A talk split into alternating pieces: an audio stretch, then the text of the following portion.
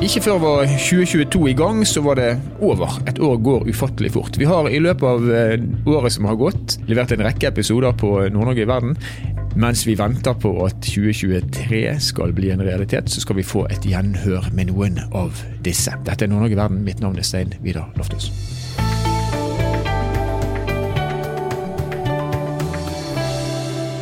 Strømprisene de varierer, og den siste tiden så har de variert mye. Og de har blitt veldig høye. Og nå har vi med oss eh, administrerende direktør i Ishavskraft, Stig Hansen. Velkommen til oss, eh, Stig. Takk. Du, kan du forsøke å forklare aller først hva som gjør at prisene på strøm varierer så innmari som det de har gjort den siste tiden? Ja, Det er jo et, eh, er et, stort bilde. For å gjøre det litt kort og lite, så er det som påvirker oss her i Norge og i Nord-Norge mest, er det vi kaller for hydrologi. Dvs. Si været. Ja.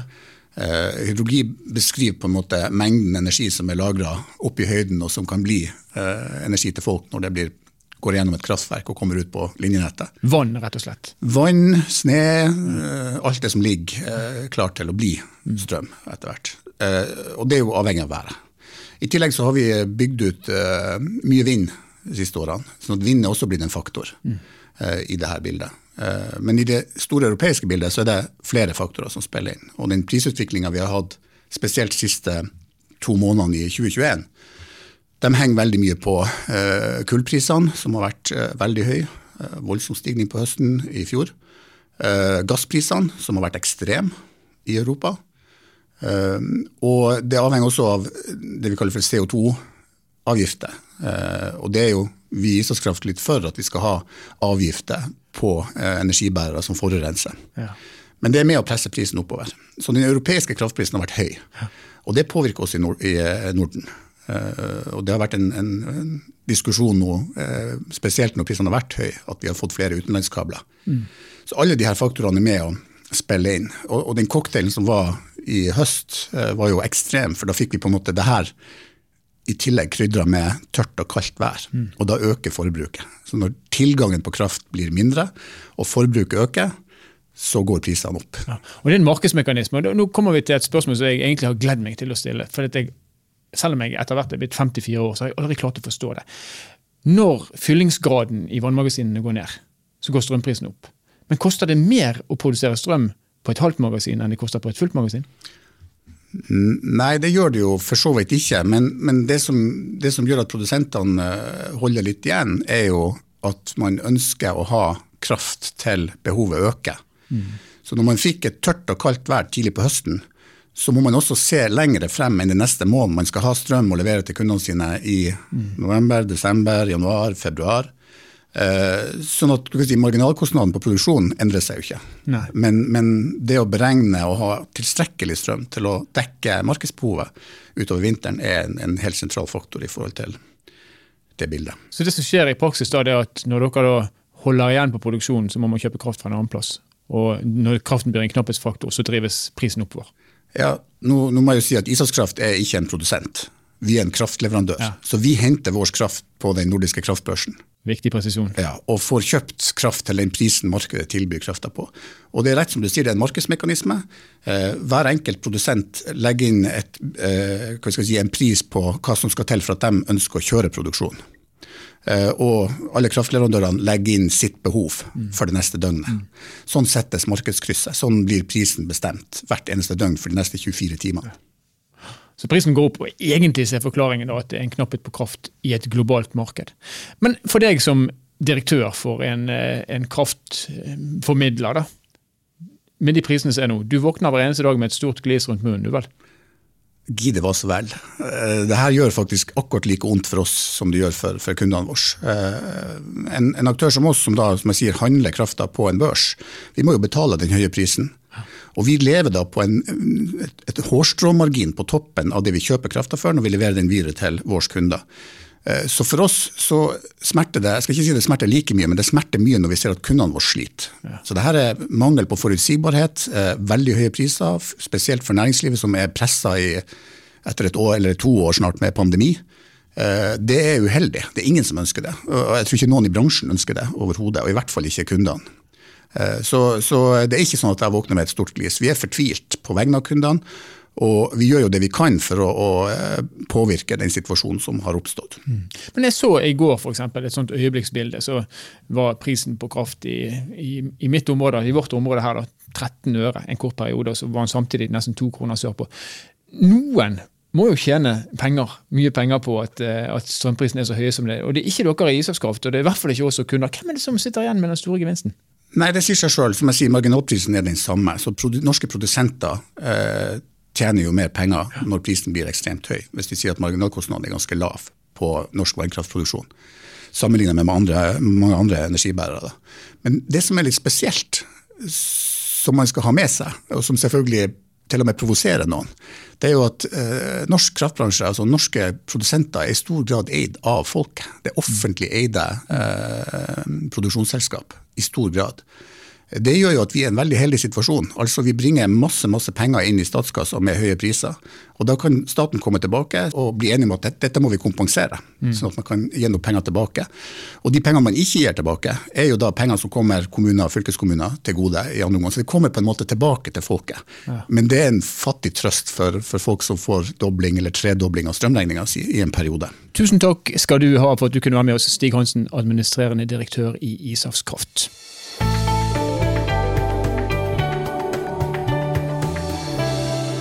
16 000 kroner for en tur-retur-billett mellom Svolvær og Båtsfjord. Det var prisen Widerøe ville ha for å fly gründer og daglig leder i Salt Lofoten, Kjersti Busch, til sitt nye lokalkontor i Øst-Finnmark.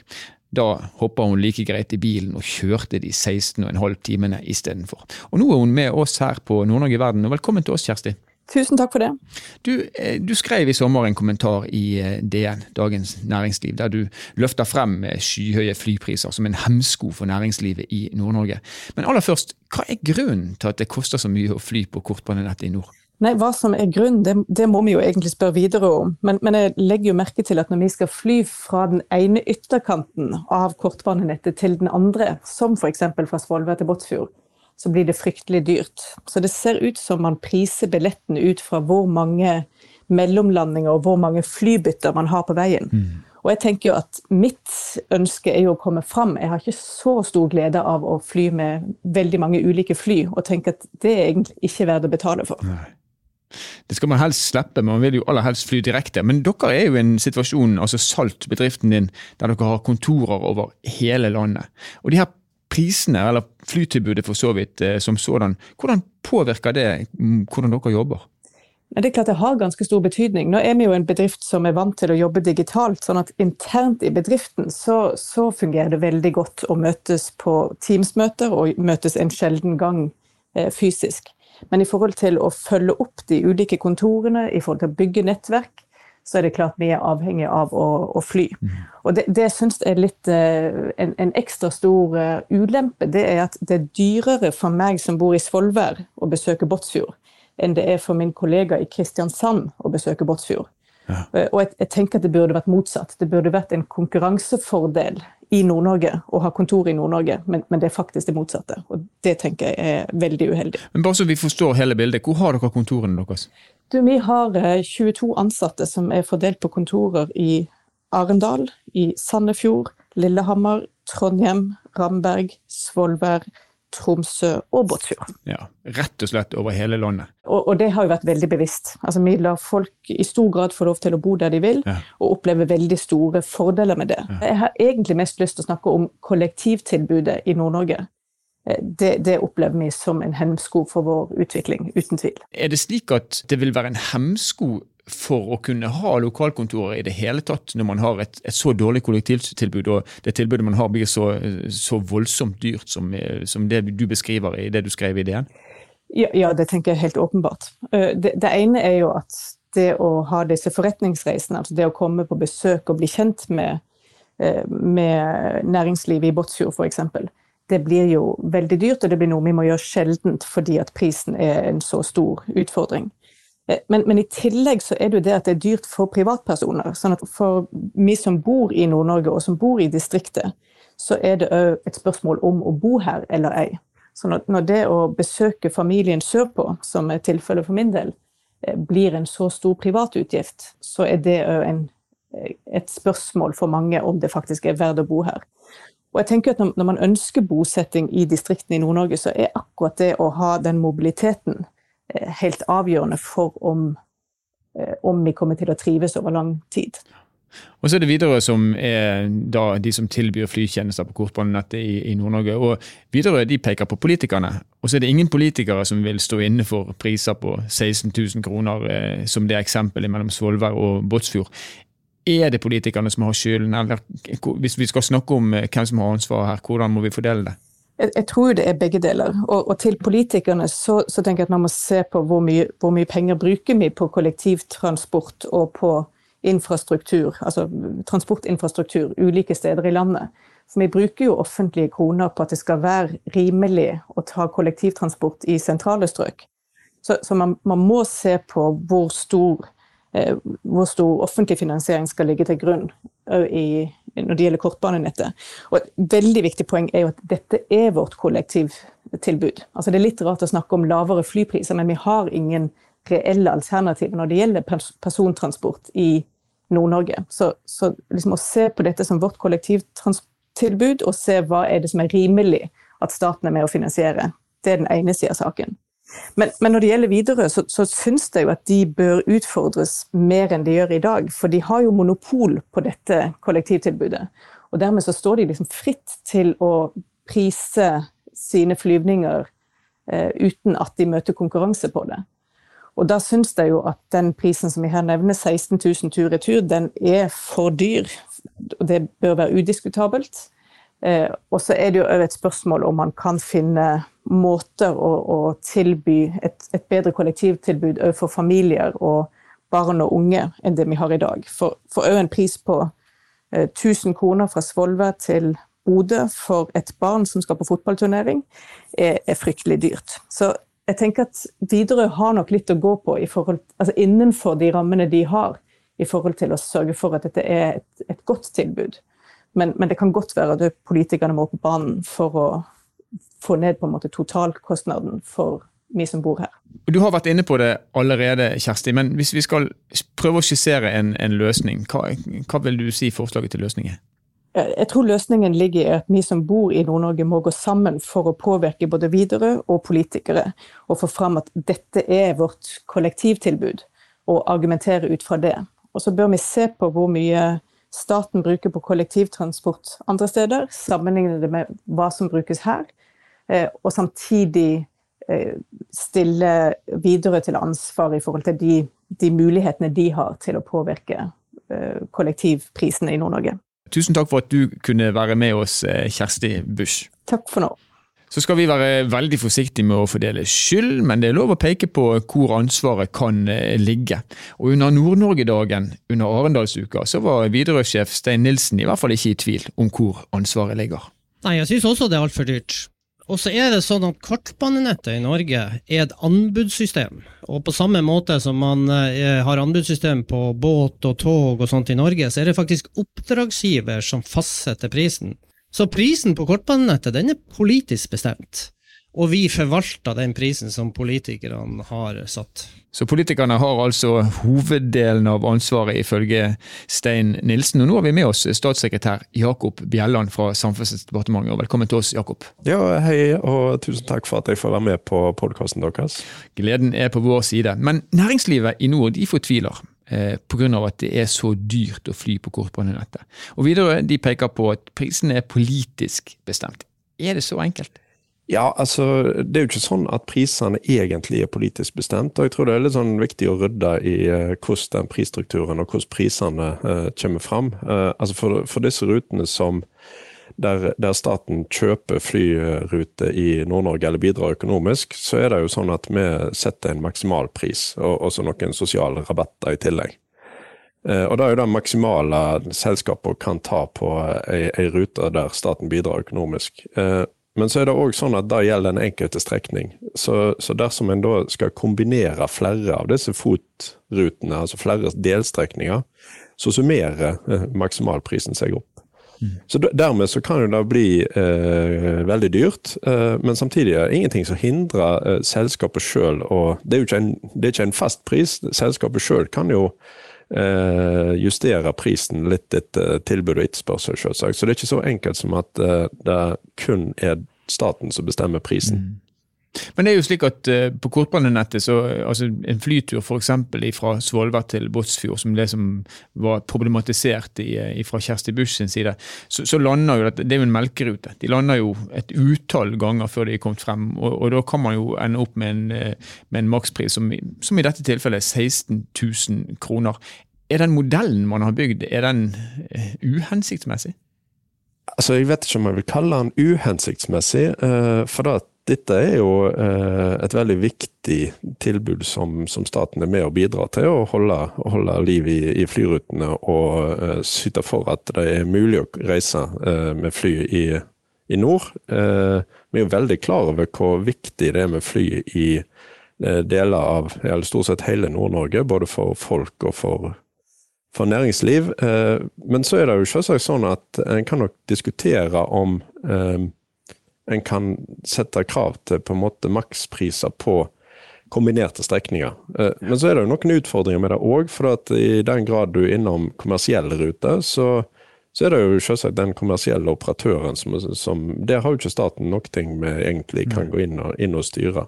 Men, men, jeg har jo lyst til å eh, Altså, jeg, jeg er jo blitt utfordra for så vidt før på den ruta eh, Svolvær eh, til Båtsfjord eh, og 16 000. Det er jo et ganske ekstremt tilfelle, sånn som jeg oppfatter det. Eh, når en søker på den ruta, så får en jo priser som er, som er billigere, men om det er 8 12 eller 16 000 er kanskje mindre relevant. Det er dyrt uansett.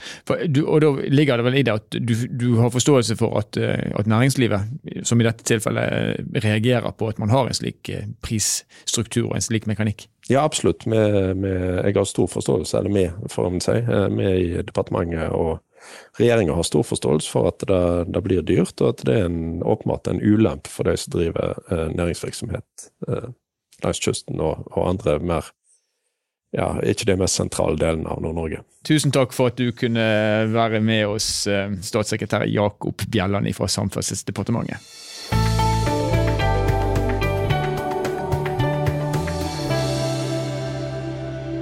Senere i denne episoden skal vi eh, snakke med Tore Enger, som leder en satsing i Narvik. Et selskap som heter Teco 2030, som produserer brenselceller.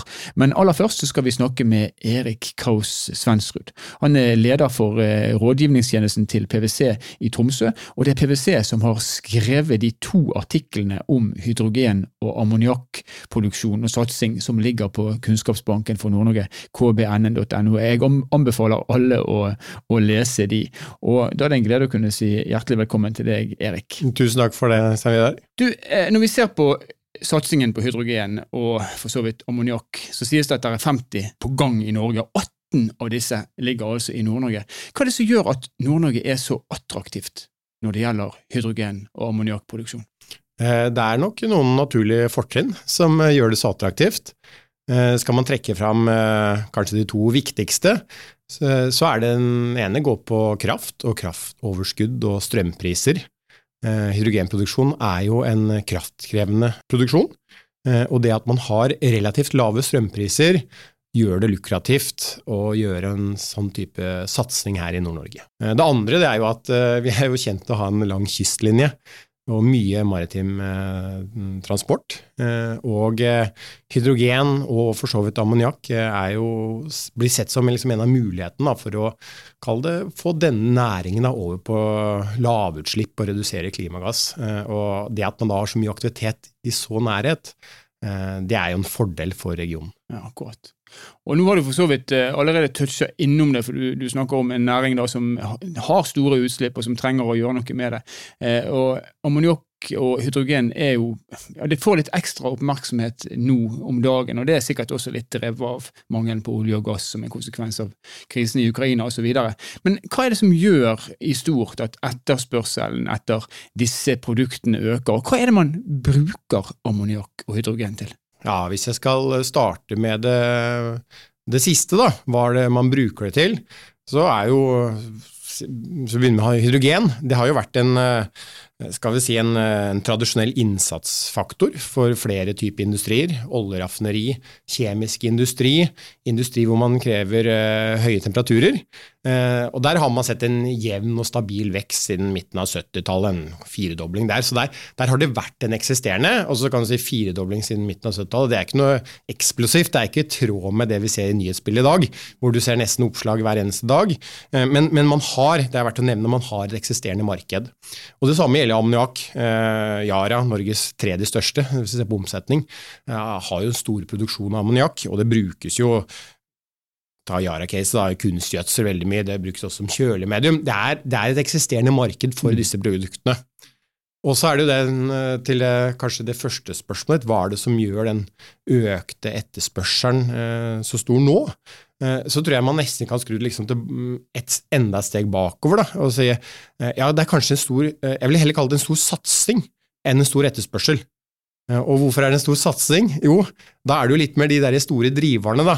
Eh, du nevnte jo det, det som skjer i Ukraina nå, men eh, ser man på en annen stor driver som vi alle kjenner til, så er det jo dette som skjer på klima. Vi har satt oss strenge krav og kommet med reguleringer for å hindre klimautslipp, og da ser vi da at hydrogen og ammoniakk kan spille nøkkelrolle for å redusere disse utslippene. Eh, for et par utvalgte, eller for noen utvalgte eh, eh, områder. Og da kanskje industri og maritim transport da, som de to som jeg vil kanskje fremtrekke her. Ja. Kanskje der vi vil se anvendelsen aller først. Men er det slik å forstå da at hydrogen og ammoniakk er helt uten lyter? Altså Er det bare fordeler med å ta i bruk disse, disse formene? Nei, de har mange ulemper. og det at de ikke har blitt tatt ordentlig bruk i dag, i hvert fall kanskje på transportsiden, eh, forteller jo litt om at ja, det er jo tross alt en del ulemper med det. Eh, ser vi på hydrogen, eh, så har du jo det at i gassform er det ganske lite eller lav energitetthet i det.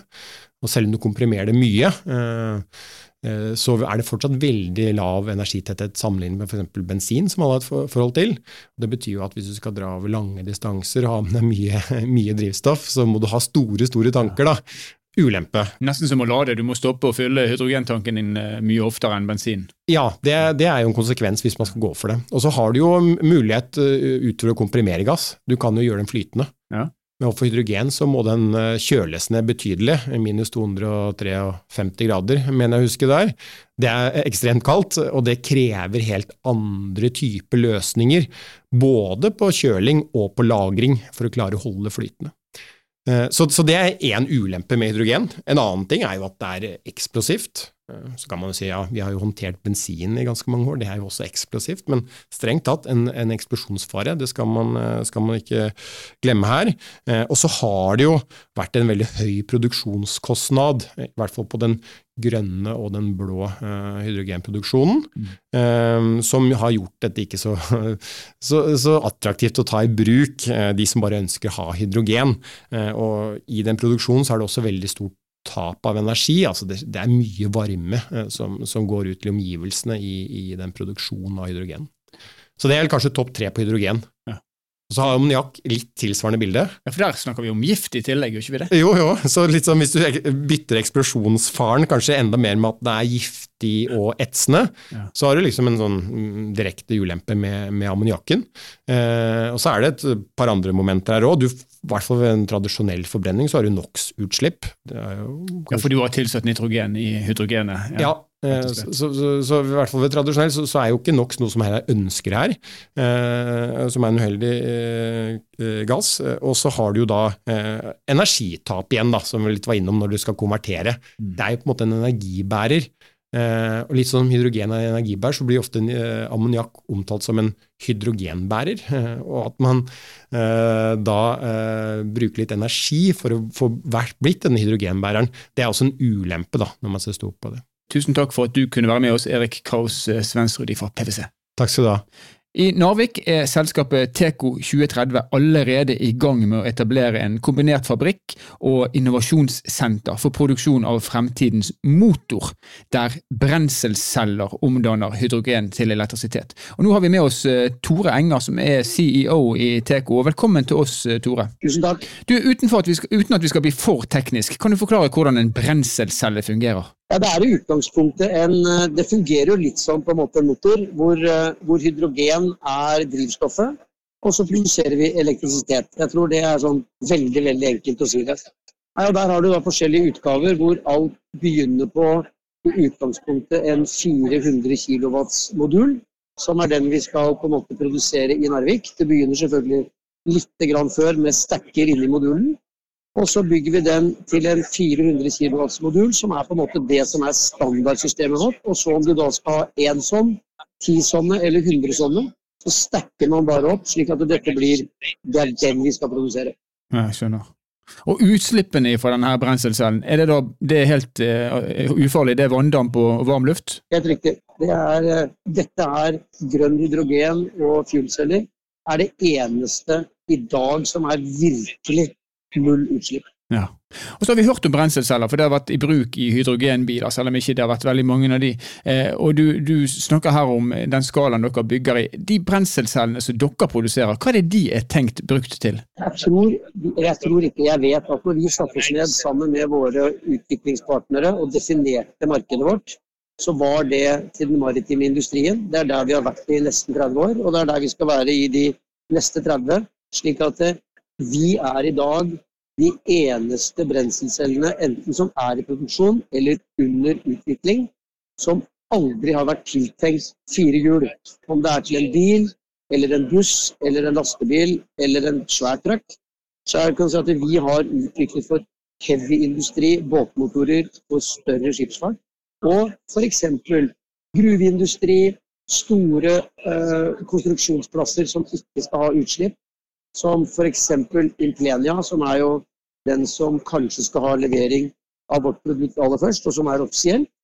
De bygger i dag Fornebubanen eh, i Norge. De bygger E39 pluss Follo-utbyggingen. Og de skal ha null utslipp på byggeplassene sine. Så det vil si at eh, de skal lade utstyret sitt på nattestid med bruk av våre brenselceller, og så opererer de på batteri når trøkkene går inn i fjellet. Interessant. Og Prosjektet deres i Narvik, hva, hva snakker man om i størrelse der? Altså Hvis vi snakker om hvor mye som må investeres, hvor mange arbeidsplasser dette her kommer til å skape? Nei, du kan si at Vi har sagt at uh, hvis vi tar historien kort, så har vi sagt at innen utgangen av 2022 som vi er i nå, så skal vi på en måte ha ti ansatte i Narvik for å danne fundamentet. Her i dag så er vi nå passert fem, jeg tror vi er seks, hvis ikke vi er nummer syv som holder på å skrive under i disse dager. Så vi begynner å få fundamentet vårt på plass. Og eh, i løpet av neste år så skal vi vel nærme oss en eh, 50-60 ansatte. Eh, og som så øker i 24 til 100. Jeg tror det kommer til å gå litt fortere enn vi tidligere har sagt. Og så ser vi for oss at vi er, når vi kommer til 2030, så skal vi være arbeidsgiver for, for 500 årsverk.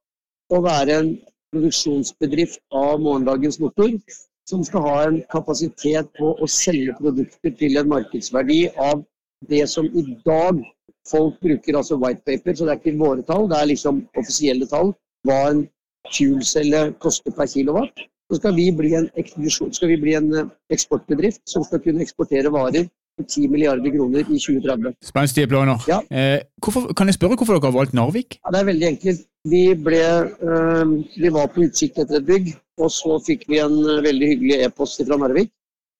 Øh, hvor det sto at vi ser at dere er på jakt etter fabrikk eller tomt. Vi har fabrikk, ta med kaffetrakter. Og det, og det tror jeg på en måte det, den, den, den, meldingen var så bra at dagen etterpå så var vi på vei opp der.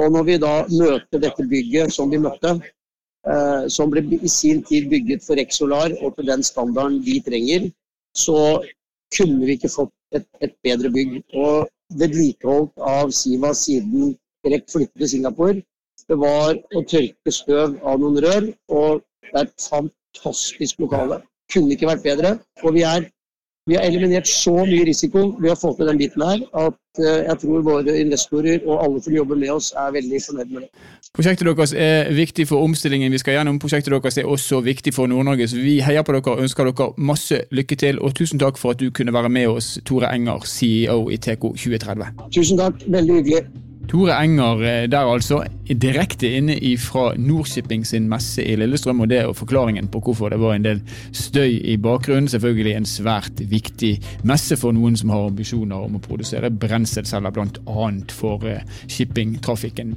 Nord-Norge i verden er en eh, podkastserie som er produsert av Sparebank1 Nord-Norge i samarbeid med Helt Digital. Musikken du har hørt er laga av Emil Karlsen, og mitt navn er Stein Vidar Loftaas. Vi høres igjen i neste episode.